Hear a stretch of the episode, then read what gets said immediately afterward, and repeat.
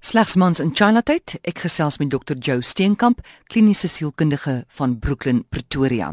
Joe, is 'n moeilike tyd van die jaar hierdie. Dis asof depressie en selfdood toeneem.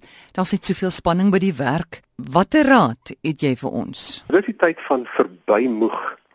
Dis 'n moegheid wat ons dwing om tot rus te kom en ons stelsels te detox. Ek weet nie wat 'n goeie Afrikaanse woord daarvoor is, maar van die wanbalans van wie 'n lewenstyl wat ons en dis belangrik vir onsself geskep het, né? Maar mense kan net nie meer hierdie tyd. Ons is nie gemaak vir hierdie tipe stres wat ons vir onsself geskep het nie. Ek het op 'n stadium 'n voorbeeld gesê van 'n vrou wat 'n klitser gebruik het in haar kombuis en hom gebruik het iets wat hy nie bedoel is voor nie en toe brand hy uit en toe sê sy vir my sy voel bietjie so. Hmm. Dis 'n moegheid wat 'n interne stem is en wat plek soek om te sê ek wil weer gemaklik in asemhaal.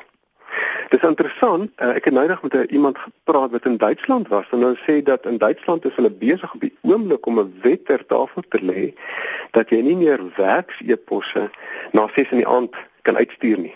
Want hulle besef al hoe meer dat stres en hierdie besige pas geestesgesondheid negatief affekteer. Nou ek dink as ons in Suid-Afrika vir mense sê jy mag nie na 6 werk-eposse uitstuur nie, dink as die helfte van ons besigheid weg. So hierdie tyd van die jaar spesifiek die hardloop die pas al vinniger. Mense raak geïsoleerd, hulle raak kronies moeg. Hulle voel vasgevang in die daaglikse rotine van te veel stres wat ophoop. Die gevolg is impulsiewe, depressiewe optrede as jy weerstand oorskry. Ons raak weet baie geïrriteerd. En hierdie moegheid hou ons vas met die paniek wat volg is die resultaat van die gevoel van 'n onvermoë om onsself vrylik te manifesteer en ons lewe te leef. Dinge rafel uit. Jy kom kyk gou na mans waar vroue so soveel makliker praat en sê help my, ek is in die moeilikheid, ek is uh, depressief, ek is hartseer, ek voel sleg, ek kan nie meer cope nie. Doen mans dit nie so maklik nie want hulle moet hierdie front ophou van ek is 'n sterk man. Hoe het hierdie seisoen veral hierdie tydperk 'n invloed op mans? Wel, ons sien dit veral, ek bedoel een van die een van die beste plekke in die Gauteng omgewing is wanneer iemand in verkeer sit. Ek het al gesien en mense en mense vertel my in praktyk ook dit voel soms vir hulle of as iemand ongeduldig is agter hulle of 'n hoeder druk of so, dan wil die persoon sommer uit die karre klim en sy strot gaan uitblik. En die persoon in die motor raak met ander woorde vir my metafoor vir alles wat my pla in my ongemaklike lewenstyl. Ek wil baie meer 'n uh, aggressiewe geneigtheid, 'n kortafgeite, 'n stormloop tipe. Daar's 'n baie mooi sinnetjie wat sê brilliance comes from being authentic. En dan kan jy jou potensialiteite uitleef sonder oogklappe, maar hierdie authenticity of dan wat ons seker sal noem egtheid of eerlikheid van wees raak verborge in hierdie gejaagde lewenstyl en ons hardloop weg, jy weet ons is verby onsself. Ons is nie meer in daai moment se se mooiheid nie. Nou, as ek miskien aan mans dink, een van my mans kliënte het eendag vir my vertel hy lei seefaders op en hy gebruik 'n sekstant En ek weet nie wie weet wat 'n sextant is nie, maar hy nee. bepaal op jou lyne van die aarde presies waar jy is. Dit maar wat 'n GPS deesdae vir jou sê.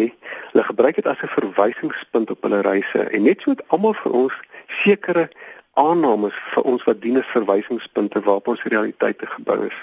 Sommige mense in hierdie tydperk wanneer hulle so oorspoel word en dan veral ons mans nê, hulle aannames oor hulle realiteit kom tot te val want daar's te veel stres. Dan is hulle disillusion. Kan jy my help met daai woorde? Wat 'n goeie Afrikaanse woord vir disillusion? Dit is ontnugter. Ontnugter. Ontnugter is baie goeie woord.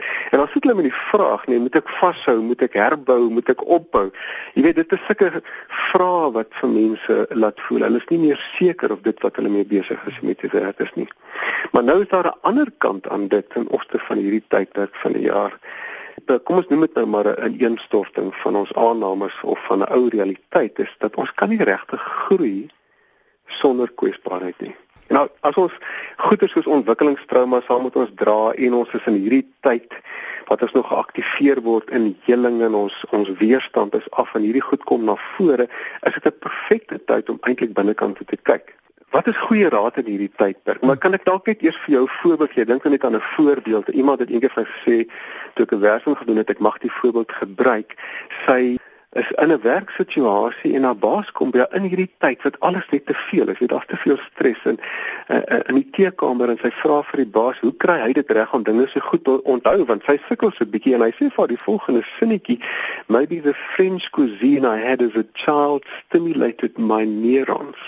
Eenvoudige sinnetjie en hy sê dit half in 'n amusante wyse en op daai oomblik begin sy al hoe slegter voel en sy begin in mekaar sak en konsentrasie val en sy kan nie meer lekker opstaan in die oggend nie en sy's moeg en sy's gedaan en uiteindelik in terapie as ons daar gaan kyk dan vat dit vir haar terug spesifiek na ouderdom van 6 jaar oud en haar enigste maatjie hmm. by wie sy gaan kuier sê van my ma wil nie hê dat jy met meer by my kom kuier nie. Ek mag nie meer met jou speel nie want jy kom uit die arm deel van die dorp uit. Ja. En hierdie dogtertjie vir die eerste keer in haar lewe besef dat sy's anders. Sy het hand me down, sy werk klere en sy het nie geld om vir die maatjie persentjies te koop nie. So sy gaan nie meer na partytjies toe nie en sy raak hierdie tipiese oorpresteerder sodat sy 'n plekkie kan hê in die lewe en gaan aan in die lewe en doen goed, maak 'n paar foute, maar uiteindelik gaan sy aan en eendag in hierdie tydperk van jaar waar die stres so erg en intens is, vra sy vir haar baas die eenvoudige vraag: Hoe kry jy dit reg om dinge so goed te onthou? En hy sê vir maybe the French cuisine had as a child stimulated my neurons. So ons is in hierdie tydperk so sensitief vir binnekant goed wat van uitspoel maak ons um, ons weerstand baie laag. So om terug te kom wat ek nou net gesê, wat is wat 'n raad? Goeie raad vir hierdie tyd, né? Ja.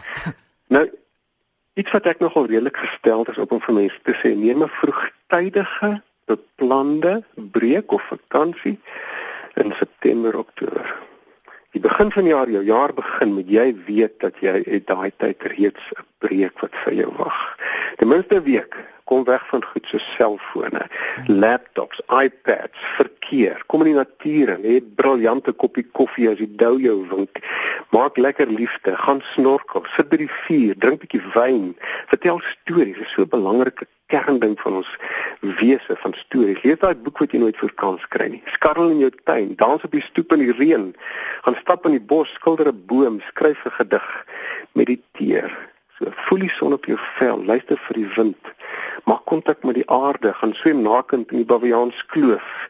En eers dan kom jy terug met 'n mooi breingebrande boude en vat jy die laaste stretch van die jaar met 'n glimlag in jou oog. Dis wonderlik.